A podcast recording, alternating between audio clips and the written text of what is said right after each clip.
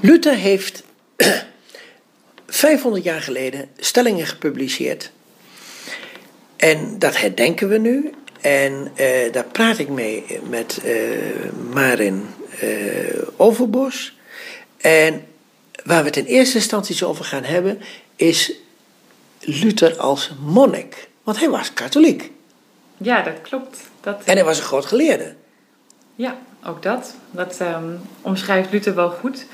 En de grap is natuurlijk, nog voor Luthers tijden was er eigenlijk niets anders dan katholiek. Want er bestond alleen maar één grote moederkerk. En dat was de katholieke Katholiek kerk. heet ook algemeen, hè? De algemene kerk, dat klopt.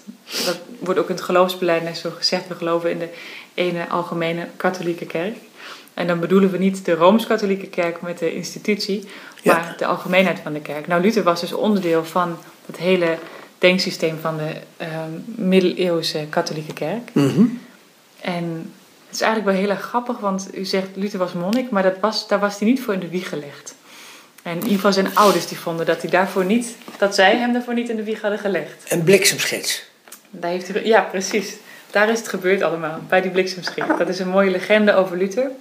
En eigenlijk is hij opgegroeid in een gezin dat hem graag een betere positie in het leven wilde bezorgen dan zij zelf hadden. Zijn vader, Luthers vader, is een boerenzoon geweest. Mhm. Een boerenzoon die ehm het bedrijf van zijn vader niet kon beërven omdat het niet in de volgorde lag van kinderen en nakomelingen dat hij aan de beurt zou zijn. Luthers vader heeft zich ehm, bekwaam, bekwaamd in, het, ehm, in de mijnbouw. Dus die is alweer een treedje hoger gekomen door in de mijnbouw te kunnen werken. En hij dacht, nou voor mijn zoon wil ik nog iets beters, nog een trapje hoger, nog iets meer Ingenieur?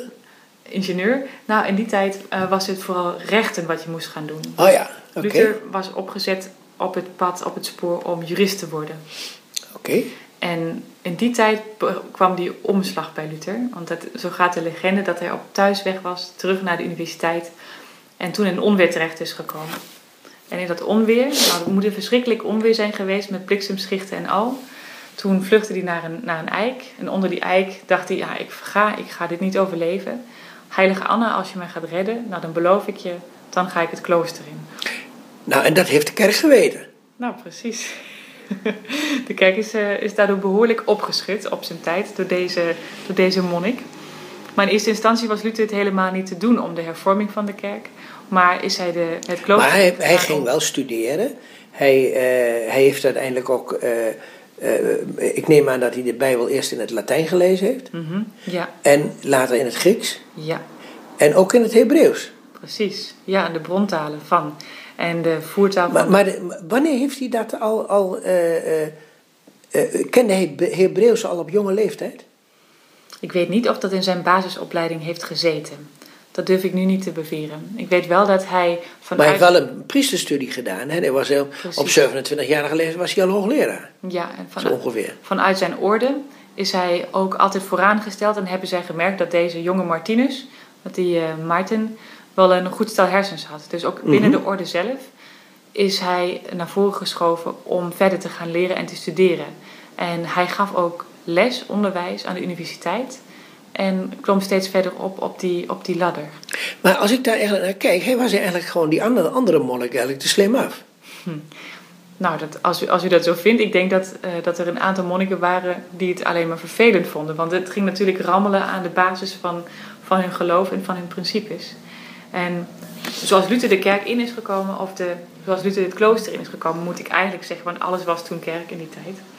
Zoals hij het klooster in is gekomen, was het hem eigenlijk om iets anders te doen. Luther had heel erg last van gewetenswroegingen. Mhm. Hij was zijn hele leven lang op zoek naar hoe krijg ik nou een genadige God.